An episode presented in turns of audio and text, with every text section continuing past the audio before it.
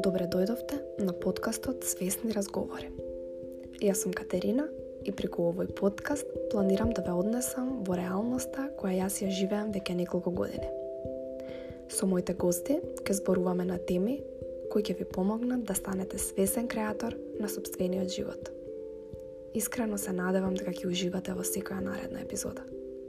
Ви благодарам што сте тука со мене сите овие години на My Macedonian Home и многу сум срекна што сте со мене и тука на следната фаза од моето патување.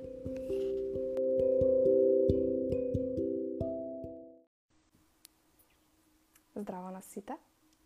Добре дојдовте во четвртиот лайв, вечерва на тема благодарност. А, решив да изберам оваа тема, бидејќи а, многу често се зборува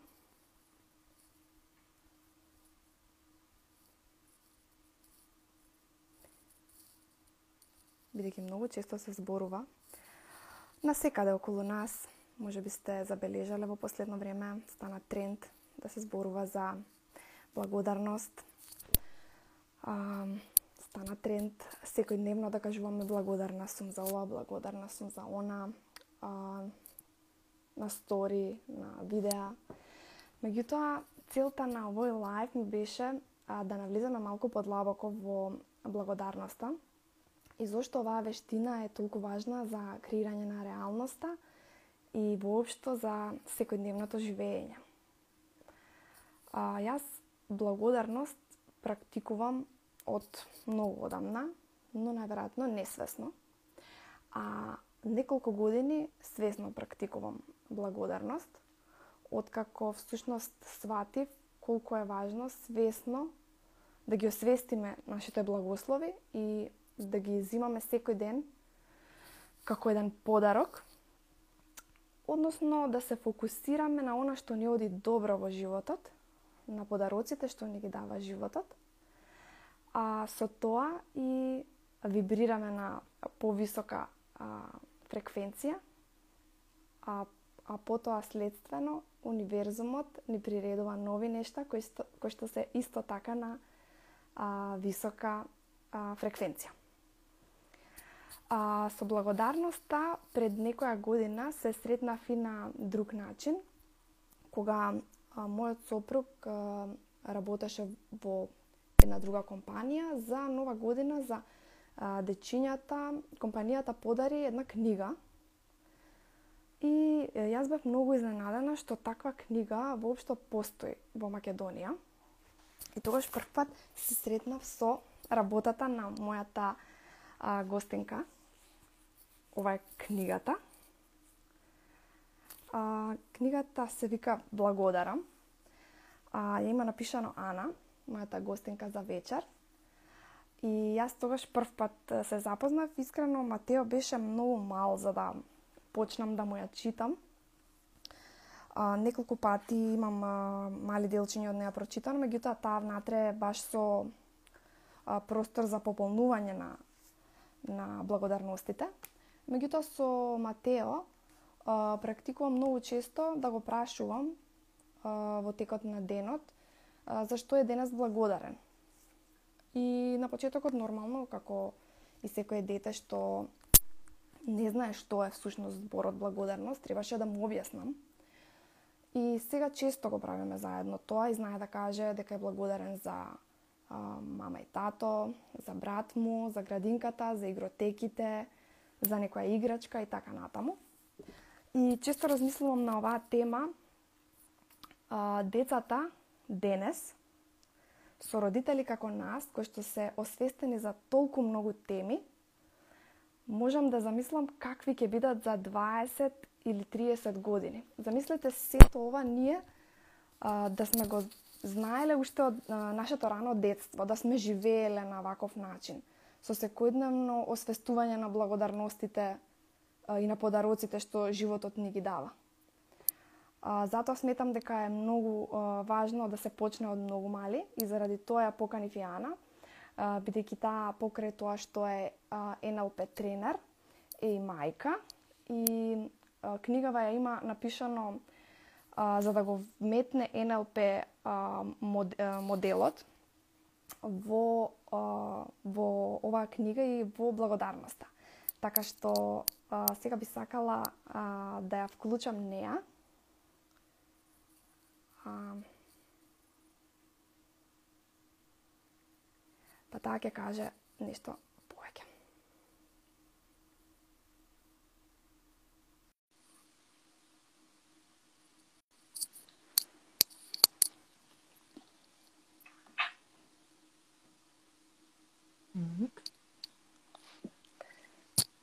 Zdravo, zdravo. Zdravo, Ana. Super. Знам колку е интересно кога удиш лайв, а некои работи не си ги пробал. Камерата ти е обратно. Здраво на сите. Баш се радувам што се гледаме. А, баш сум возбудена, тоа што кажав прв лайв, баш интересно. Да, има Здраво, некоја... Кате, поздрав и до сите. Здраво, а, добре дојде. Да, на вистина има некоја посебна убавина кога одат лайв разговорите. Така е, така е. А, короната ни донесе меѓу другото, меѓу многуте работи и некои благодети, а тоа е една од овие работи. Аз бев, затоа што а, работам долго со луѓе, држам обуки долги години и а, бев онака децидна пред камера, не.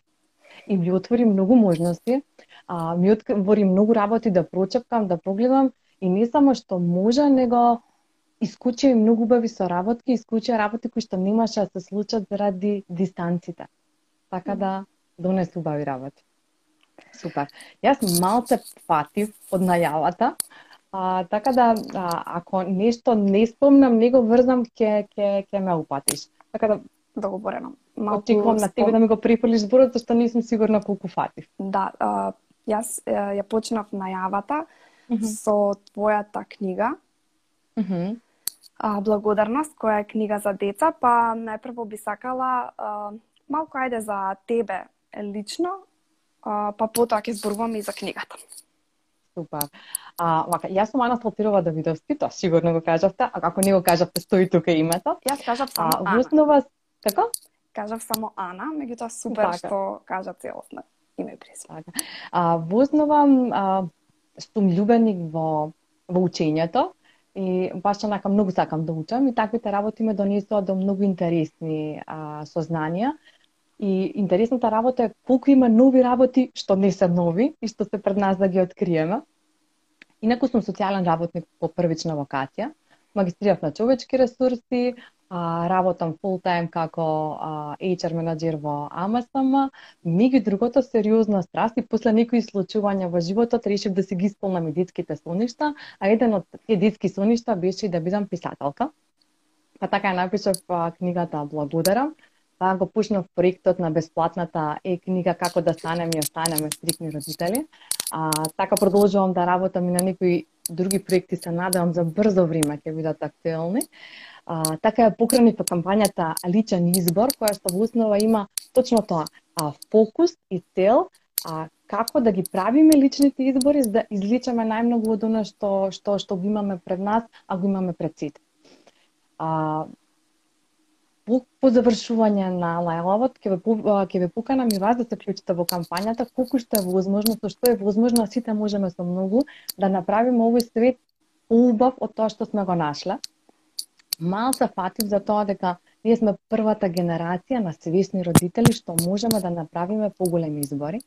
Не можам да се сетам точно на авторот, но не е ни важно, пораката е дека една генерација на родители полни со љубов, кои што ќе направат рез, свесна ревизија на тоа што носат во себе и ќе размислат што сакаат да им принесат на децата, а што сакаат да остане во генерациите или во минатото да го остават, ќе можат да направат и такако голема разлика.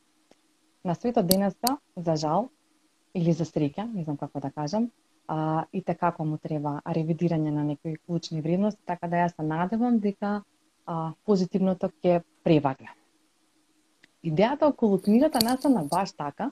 Јас, м, како што реков, сум влюбеник во, во учењето и а, проучувањето по-конкретно, ако го земеме да го специализираме учењето на тес, а, тесна нишка, личниот развој, каде ни се нас границите, кај ни се кај почнуваме, кај завршуваме, што се можеме или што се не можеме, буквално потикната од некои од една страна и лични поводи, од друга страна и за тоа колку човекот е спрема за а, најразлични работи.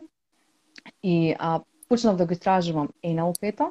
NLP е неуролингвистичко програмирање или во основа а, робустиот наслов би значило што е разликата помеѓу успешните и не така успешните луѓе изучив се што имаше да се изучи на таа тема. Од 2005 се запознав со NLP, од 2008 почнав систематизирано да го изучувам, така да завршив се што имаше да се заврши, така да сега сум NLP тренер и NLP коуч, работам и по едното и по другото. И мене животот ми се дели прети по NLP. И оно што многу често знаев да го кажам, како не ги знаев овие работи порано, како не ги знаев овие работи порано, и во меѓувреме станав мајка. И си како, јас мене ми е жал што јас не ги знаев овие работи порано. Ајде како да направам овие работи да ги ставам во служба на моите дета. И таму почна приказната. И а, затоа што спомнав НЛП разликата помеѓу успешните и не така успешните луѓе и што, што, што е тоа што го што е клуч, што е она магичната а, магичната состојка. А, испадна дека кога сите сите фокусираме кон а, сите такаме и сите правиме најдобро што знаеме да постигнеме успех Има два пред чекора пред успехот. А тоа е од која состојба го бирам, ја бирам стратегијата за успех, првиот чекор, и вториот чекор, што се зборувам сам со себе кога ја бирам стратегијата за успех. И така, првиот чекор настана книгата Благодарам, заедно со слободната игра Благодарам. Значи сите што сте заинтересирани, а, слободно пишете ми во порака во ДМ, ќе ви ја пратам. Таа е слободна игра, намената е за сите, колку што е возможно да стигне до повеќе повеќе луѓе.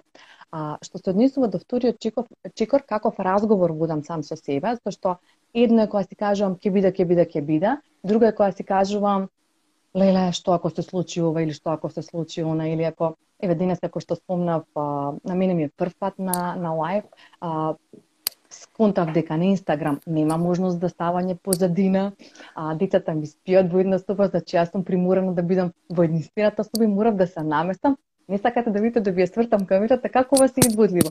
И само мајндсетот е да се размислува како може, нешто не може, како да. може. И тоа е внатрешен диалог и внатрешен разговор сам со себе што го водиме, што е клучен. Така настанаат трите игри и тие се слободни, што се викаат како може. Идејата е да ги научиме детата како си поставуваат поквалитетни прашања кога се најдат во некоја захтевна ситуација, а таа захтевна ситуација да прегледат да трансформираат во проект на кој што ќе работат, а не проблем за кој што ќе пукаат, зашто за жал околу нас има многу луѓе што пукаат.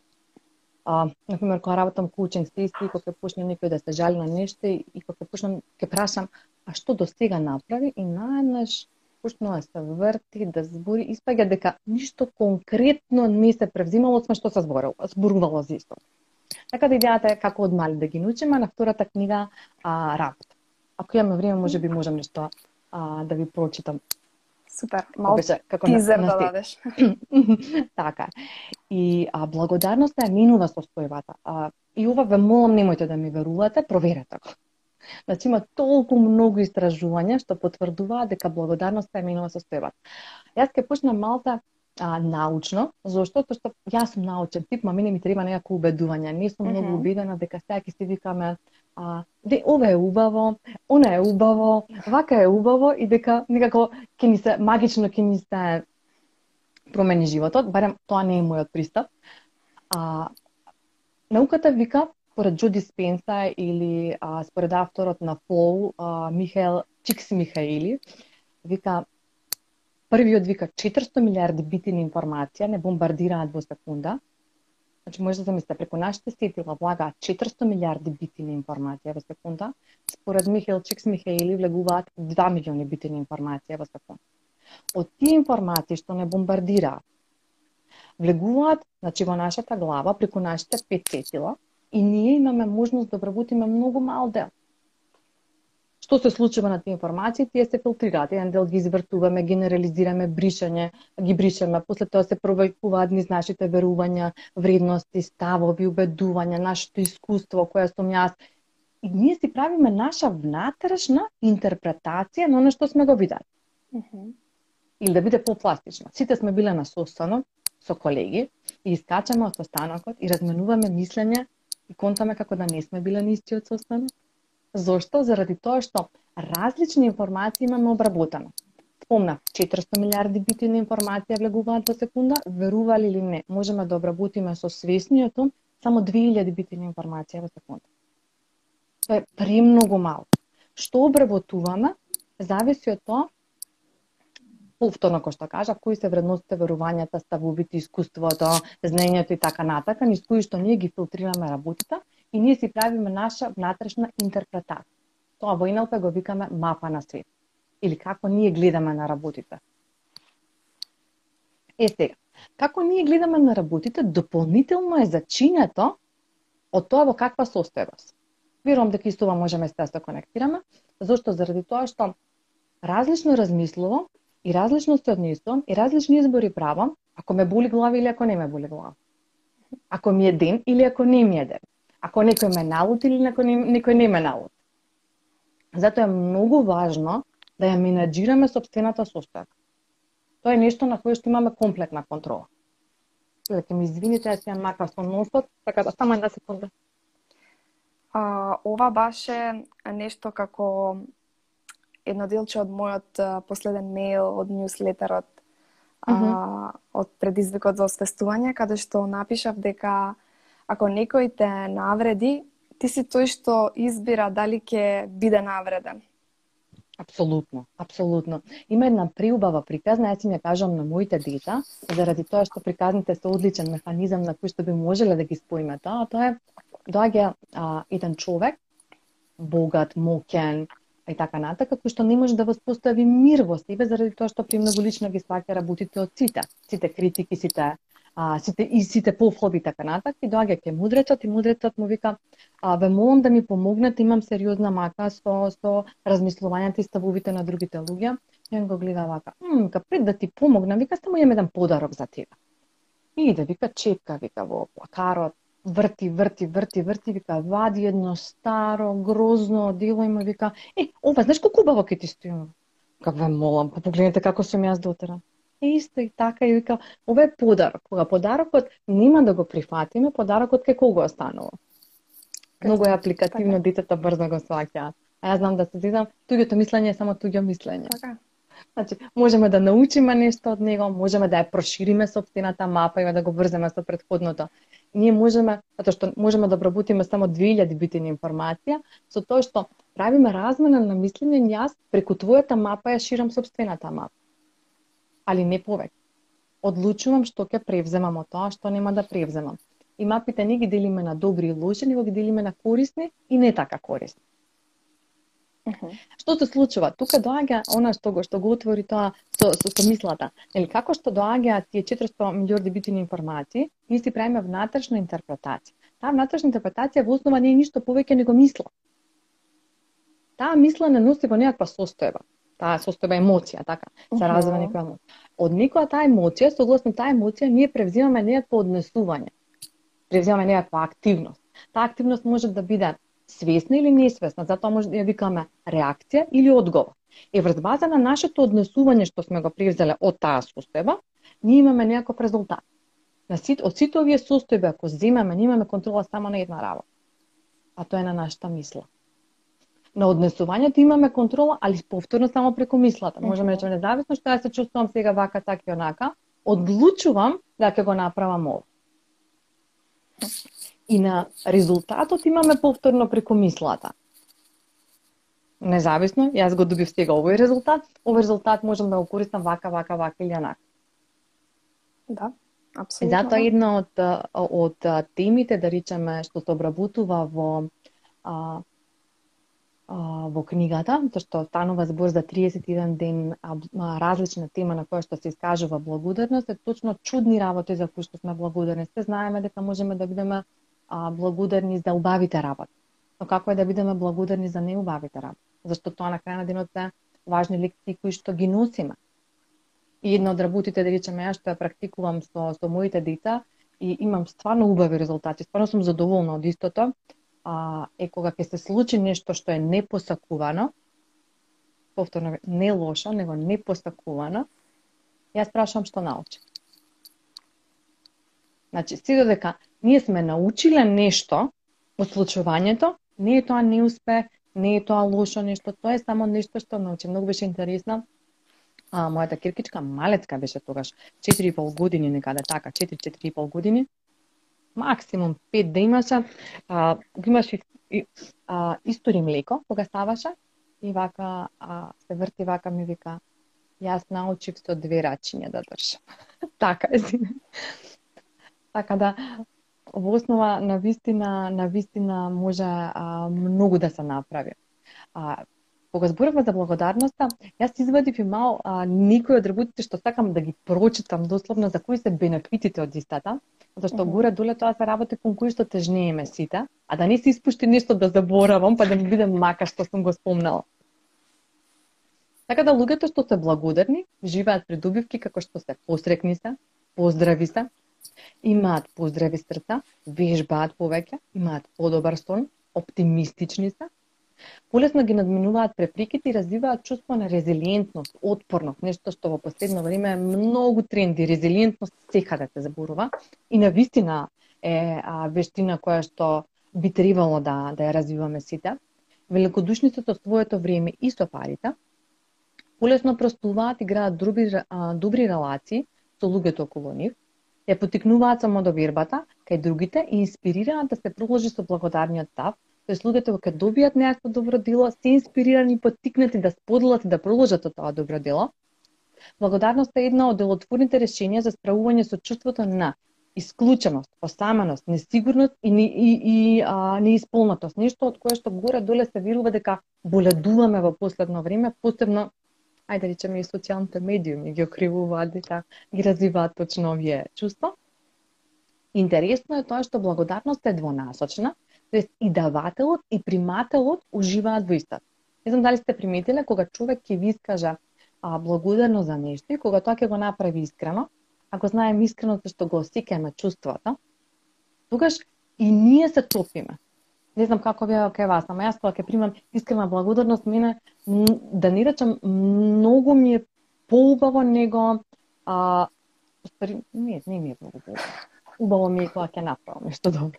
Повлекувам. И генерално може да ме да бидеме хај со благодарноста, зошто? Заради тоа што и како влијае на лачање на серотонинот и допаминот, а намалува кортизол. Значи, се што во основа би сакале, се што кое што би требало и како работи на исто.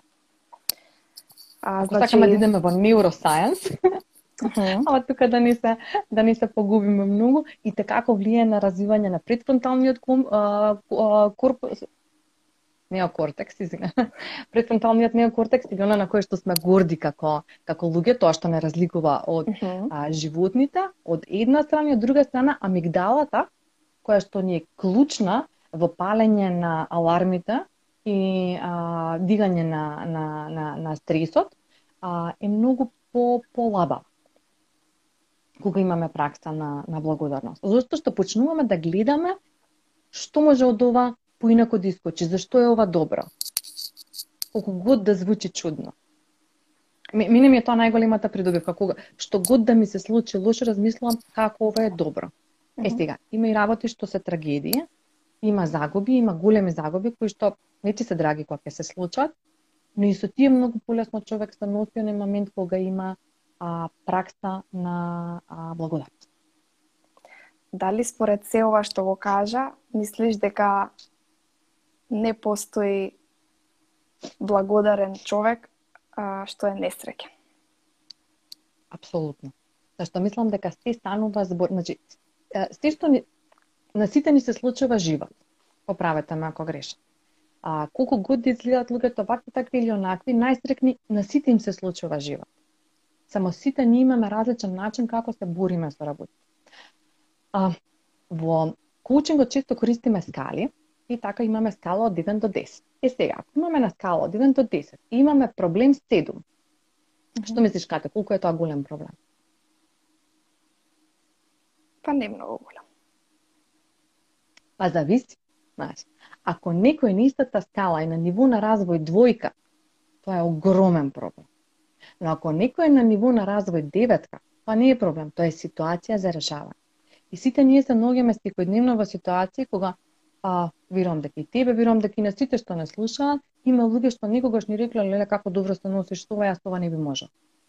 Затоа што, зашто на таа работа ти не се високо качени на скалата.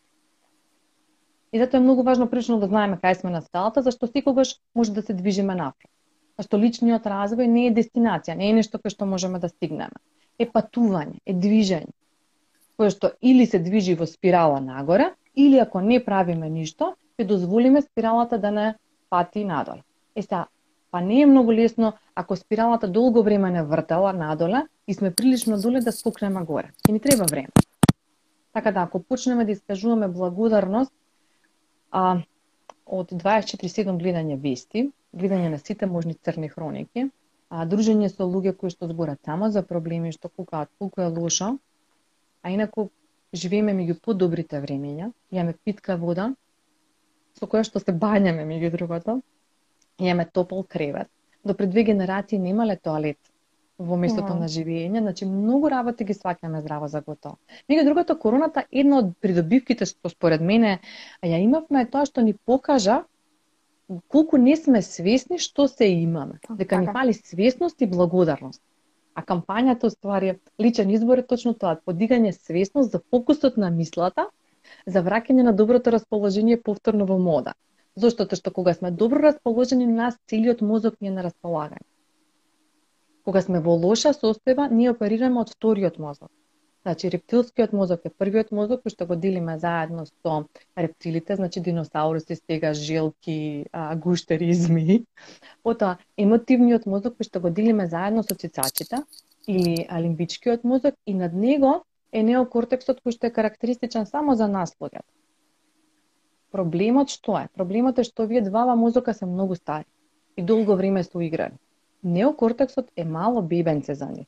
И треба ние свесно да го стимулираме. А како го стимулираме? Го стимулираме префронталниот кортекс, тука е делумот на разумот, рационалноста, креацијата, визијата, визионирањето на новите смисли, критичкото размислување, со поставување на прашање. Со размислување за работите, со проверување, кога почнеме да прогласиме дека е крај на светот, може да се прашаме, а како би можело ова да биде корисно? А во кој случај има работи што во никој случај не се добри. Тогаш може да се прашаме, а што од ова може да научам? Така да една од препораките а, зашто зборевме нели што би можеле на луѓето да им дадеме а, како а, вежба е точно како тоа. метод. Да. Како, баш како метод. Зимете една, еден лист хартија и буквално преклопете го на два. Ево, листот за кој што го зборував, буквално преклопете го на два. Е са, на едната страна на видите ги сите проблеми и сите трагедии што ви се имаат случано. И потоа, на другата страна, паралелно до секоја трагедија наведете што сте научиле и кои сте станали. И ги видите дека не би бил толку убав животот и не би биле вие тие да не би се случиле тие искуства. Затоа кога ни се случи веќе нешто барем да не испуштим испуштиме лекцијата што стои тука. И многу е важно како ќе почнеме да гледаме на тие работи. Во основа, а, ние ги боиме. Ние постојано ја кажуваме приказната. Секоја мисла е само една идеја која што можеме поинаку да ја боиме. И мене знаат да ми кажат, ти твоите розови наочари, ја ми кажам, мене ми требаше време да ги намонтирам, сега не давам никој да ми ги пипне. Uh -huh. И тоа ми ги другото го имам напишано во пораката од авторот во второто издание. А, тоа е, мене во, во тоалетот ми пишува, ако веќе мислам, ќе мислам позитивно. На, на огледалото ми го пишува. И а, никој ми вика, ама ти немаш никаков доказ дека ќе се случи позитивно. Јас сложувам. Апсолутно немам никаков доказ. Немаш ни ти дека ќе се случи нешто негативно. А меѓу време мене ми е барем убаво. Точно. Така. И ако треба да се случи некаква катастрофа, можам да ја живеам кога ќе се случи. Не морам да ја живеам секој ден да и да умирам со истата, да. Предходно.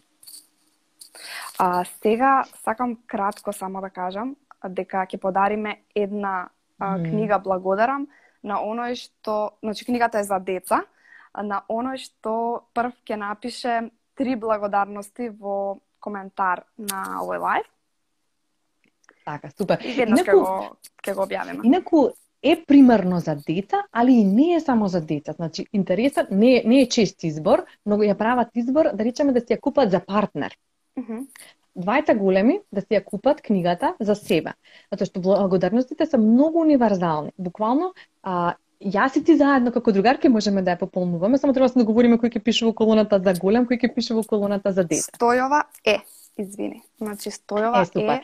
Стојова е, може тамани да ми пише дали може би сака да биде поставител на книгата на детенчето пред да ја пратиме. А за сите кои што а, не бевте доволно брзи, а сакате да ја да ја имате книгата, а, за м, слушателите на овој лайв и оние кои што во наредниот месец дена ќе ми пишете ќе се повикаат на лајвот, имаат 20% попуст. Меѓу другото ќе учествувате благодарна акција, сакам да исчистам а, второто издание и го изработи веќе третото издание. Замислете колку интересно. Имаме фонд за дислексија и никој не го користи. Вау. Да. Па јас имам информација дека многу фондови не се користени. Да, ма фондот за дислексија е за дечиња кои што имаат потешкотија во читање. Тоест, И зошто греото не? да не се користи. Точно. Ако Зошто? некој земал да направи нешто такво, е греото да не се користи, така да ја изработи во а, во со тој фонд. Така да баш баш се радувам што што и така имаме можност да ќе биде подостапна зиста, а нас не ни менува ништо во во начинот на на читање. Така. А, јас уште сакам да те прашам, а, на кои се начини ти работиш со твои клиенти? М, Така. А, вака, значи јас покрај тоа што работам обуки, а, работам и комерцијални, зборам со да, комерцијални зборам со со со обуки со а, фирми, а работам и отворени обуки, работам и коучинг, значи коучингот работам и бизнис, али повеќе во во, во фокус ми е лайф коучингот и вик. гледам дека имам желба и а, клиентите што ме бараат е повеќе околу делот на родителувањето. А, веројатно фокусот е заради тоа што јас сум некако натаму прилично фокусирано од една страна и од друга страна заради тоа можеби заради книгата што што ја имам Мгм. така да сите се поканати да ја побараат тоа е а, сега го подготвувам седмото а, продолжување станува збор за а, слободна е-книга што се вика како да станеме и останеме стрикни родители во кои што имам а, совети, идеи, пракси што може да се практикуваат во семејството во насока да им помогнеме на децата да застанат а, побрзо на ноза. Инаку предизвици има, сите имаат предизвици, и јас имам мал милион предизвици со, со децата. Новата генерација на деца се многу интересни. Од друга страна, а, сакаме поинаку да ги воспитаме, сакаме да бидат слободумни, сакаме да размислуваат, а тоа и како бара активна работа, затоа што нормално детето има став тогаш. Ти го негуваш ставот и после тој со став, со тој став и како треба да да работиш, но а, според мене одговорот е само тука. Нема да можеме да да развиеме а, во основа јас моето легаси го гледам преку моите деца Мгм. м, сите ние родителите, мислам дека можеме да направиме многу голема работа, а не ако испага дека за се има едукација, за се има а, книга, за се има курс, за се има обука, ако родителството, ако сме во можност да зачнеме и да донесеме на свет деца, некој испаѓа дека знаеме. Па не сум сигурна колку знаеме. Јас имам многу работа кај себе што ги имам, а што не сакам да ги пренесам на моите дета. Нема да им бидат корисни Мгм. во времето во кое што доаѓаат и времето во кое што они ќе живеат, тоа не се работи кои што високо се вреднуваат. Дури јас гледам кај себе да ги испеглам, а не да ги пренесам. Али тука е важно да бидеме свесни. Или работи кои што моите родители со најголема љубов и разбирање ми ги имаат пренесено на мене. Затоа што нас имаат направено вакви какви што сме родителите, со најголема љубов и разбирање пази да не паднеш, пази да не пипнеш, не, не, не. На сите страни, од безбедносна причина. И нашиот мозок ги генерализира работите наеднаш ние многу работи не се ни обидуваме да ги правиме. Зошто? Баш од тие замки. Креираме, градиме во себе верувања кои што и така не ограничуваат.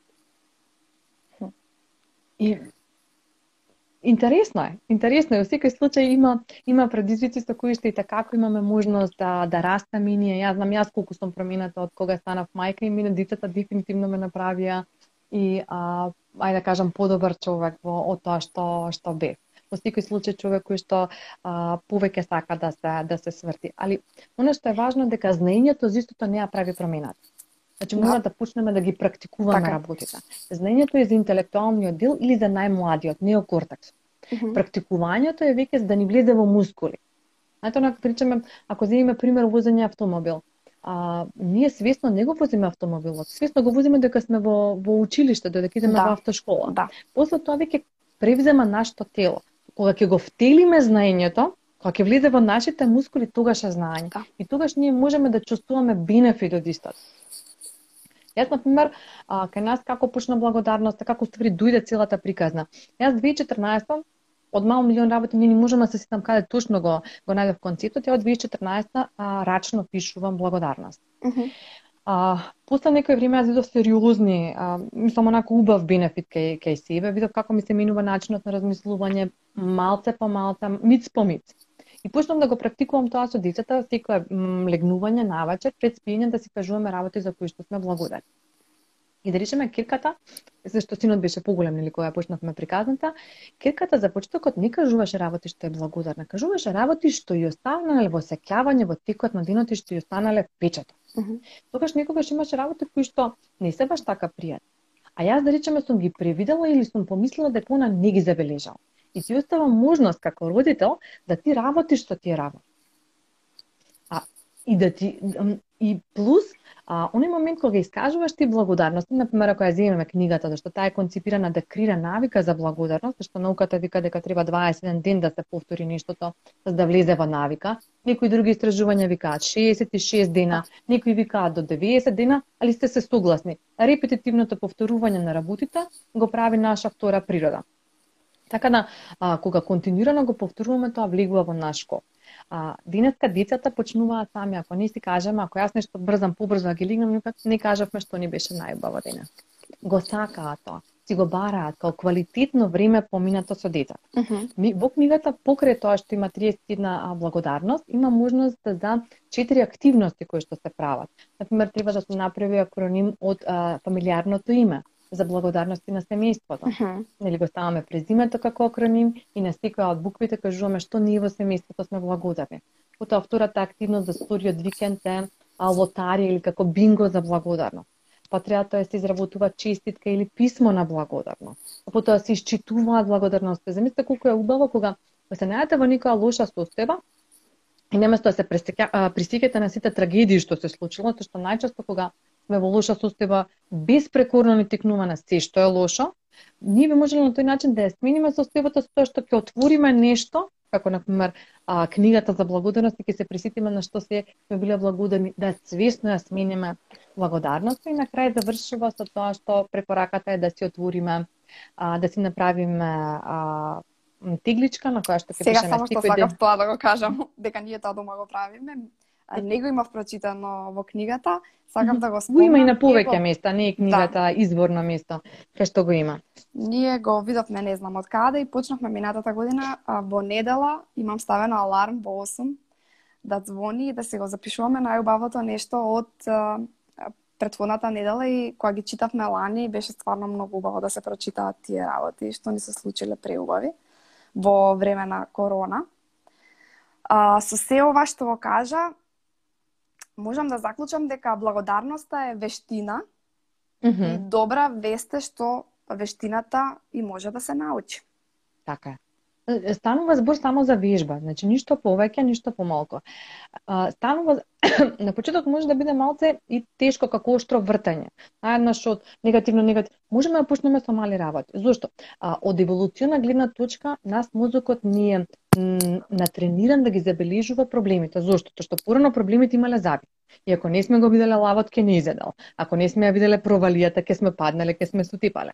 Денеска немаме ние такви опасности. И денеска ни е важно да ни е на а, досек целиот мозок. Јас не сакам многу да да навлегувам во деталите какви се од со неуронауката, но во основа е стварно важно да бидеме целосно тука, значи креативност, имагинација, критичко размислување ни се достапни, а се клучни во денешното живење само кога ни е целиот мозок, а целиот мозок ни ако не сме во стрес. Ако сме во стрес, се пали амигдалата и предфронталниот кортекс се гаси. Зошто? Тоа што мозокот е прилично голем. И он е 2% од нашата маса на нормален човек, а ти а, користи 20% енергија. Не може да работи целиот целове. И затоа се гаси. Кога ќе се угаси тој дел што као наводно не ни треба кога сме во стрес, имаме проблем. Тоест, не можеме да дојдеме до креативно решение. Верувам и дека и со ова ќе се ќе се ќе може да се а, поврзате. Имате ќе се скарате со некого, тоа влегуваме во лоша состојба, читате, и ќе кажеме некои работи, што не треба да кажеме и така натаму. И си отидеме дома, ќе се смириме. Ке ни те. Па требаше ова да кажеш, па требаше она да кажеш. Зошто? Затоа што сме го упалиле предфронталниот кортекс со тоа што сме изгасиле амигдалата. Ама ова не се брои. Не се бројат ситуациите како е, која ќе биде, него се брои во моментот и затоа е многу важно свесно да управуваме со собствената состојба, тоа и така како може. Една од анекдотите, например, а, за да ве потикнем и за и за ова не ви треба книгата. Значи, секоја вечер само прашате ги децата што ви беше најубаво и потикнете да ги да извадат што е она што што е стрж или извадете ваши работи.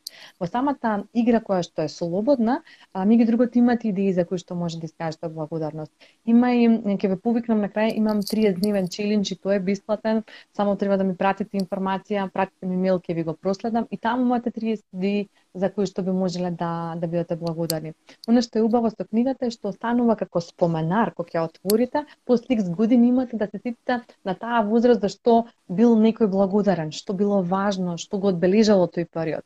Пример, мене што ми, што ми го грее срцето постојано е тоа да речеме а, Илина на 4 годишна возраст на тема што е оно што го имаш, а за што си благодарен. Јас очекував некој куче, мача, некоја играчка, така натака.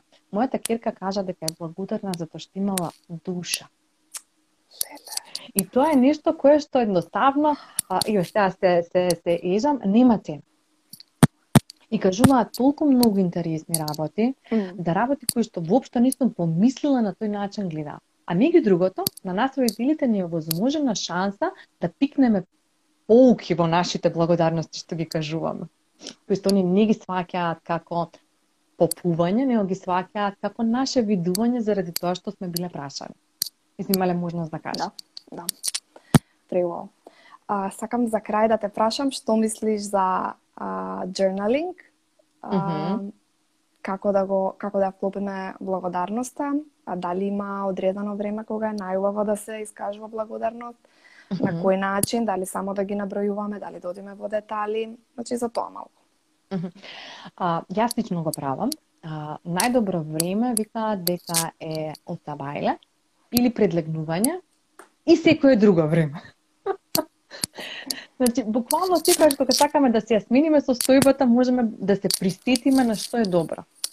Секогаш кога се почне а, овој тука што не сака секојаш да соработува, не знам како го викате, и некој го вика ѓуро, некој го вика тошо, независно што не сака секојаш да соработува, може да не Јас лично сама со себе го правам секое утро.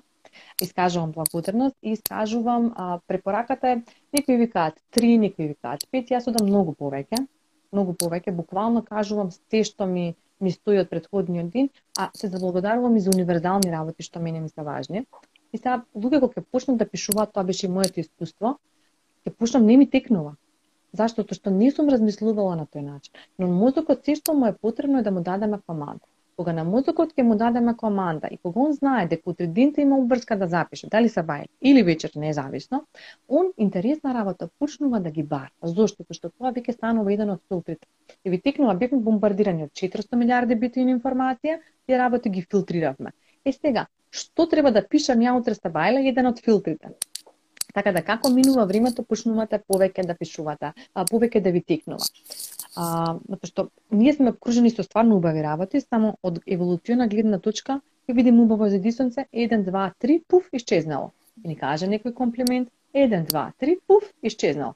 Ама ќе се скараме со некого, стануваме и си легнуваме со тој муабет. И тоа знае да трае со денови луѓе успеваат со години да бидат скарани, да се легнуваат и да стануваат со истиот млад. Со разговорот над. Така да е важно да го пробаме тој дел. А, за оние што се похрабри, значи можат да почнат да пишуваат покрај тоа или што бешувало, да пишат и зошто. Uh -huh. Тоа е многу интересен. Тоа такви, такви интересни увиди ќе добијат. А, тоа е една од работите. Ако не ви текнува зашто сте, што да бидете благодарни, само помислете дека, еве, хипотетички, а, се што ќе пишете денес е оно што ќе го имате утре. Uh -huh. Ако испуштите нешто, утре нема да има. Или а, ако дозволиш, помисли на физиолошките потреби. Замислете си го физиолошките потреби без веце шолја, без одвод, без а, тоалетна хартија и најднаш има куп благодарност. Кој е осмислил хартијата, кој ја донел до продавница, кој ја купил, кој ставил нова ролна, кој го измислил концептот за канализација, а, кој ја изградил канализацијата, кој ја одржава, сите комши што се културни не фрлат, за да започне. Значи, има мал милион работи за кои што и такако можеме да бидеме благодарни. А тоа ќе го смени фокусот. И а, јас за среќа, јас не живам, а, јас живам убав живот, така да, но сум имала прилика и а, да видам луѓе кои што а, не биле благословени како што сум благословена јас, а, и се благодарни. Аз сум видела и луѓе кои што и како се поблагословени од мене, ама и како поблагословени од мене, и ако си го напишат животот на хартија, тоа би бил идеален, и се сериозно несрекни и не исполнат, Не е до имањето ако тогаш не функционира баш најсјајно од една страна. Од друга страна, бидете фер сами пред себе, пресидете се на пред 10 години што она што сте сакале, што она што сте го сакале. Најчесто го имате. А не сме сретни за тоа. Сакаме нешто друго. Така ни е поставен мозок. И тоа е скрос окей. Не е идејата да бидеме благодарни за што или имаме кревет, имаме кај да спиеме и така нат. Али благодарни за креветот и за храната можеме многу повеќе да направиме и да фокусираме и да движиме кон желбите и кон постигнувањата што ги имаме, за разлика од тоа ако сме неблагодарни за се она што со кое што сме благословени, а сите сме благословени со нешто. Не сакам да звучи како клише, ама на крај на денот ги отворивме очите. Сам, стварно, премногу често е кажано, али се се сведува на тоа. Не знаеме до кога сме тука, би било убаво да си го направиме колку што е возможно поубаво патувањето да бидеме благодарни за она што го имаме, додека а, се трудиме Движиме кон она што да. го сакаме, така. Така. Многу, многу ти благодарам, Ептен ми беше убаво, а, Мала, многу сконцентрирано слушав цело време и јас многу научив. И се надевам дека сите што не слушаат а, научија и им се допадна. А, еве сега знаете како функционира благодарноста и дека е вештина и дека секој може да ја научи. Апсолутно. Ако може 4 годишно дете да кажува зашто е благодарно и така. Па. ствари, знаете што? Ние се раѓаме срекни, нема депресивни бебиња. Нема, ние успеваме да научиме во процесот на култивирање да бидеме несрекни. Што значи учливо е. И можеме да се одучиме. Нема несрекни магариња, зашто магарињата не се, не се трудат да импресионираат други магариња, него едноставно живеат сега тука. Ти благодарам многу. Благодарна сум што те запознав. Исто го делам мислењето. Го делам мислењето. Јас ви поздравувам сите и се одјавувам со последната мисла, а тоа е пробајте да се сетите на кого, на кој човек не сте му искажале благодарност. Може би не е веќе со нас, може би е, ако е и сте стрекни да е близко до вас, направете го тоа. Прави голема разлика. Имајте сите убава вечер. Уште еднаш многу благодарам на сите што бевте тука а, лајвот ќе биде зачуван и постиран и наскоро ќе биде претворен во подкаст епизода. Имајте убава ноќ. Убава ноќ, поздрав до сите. Чао. Чао, чао.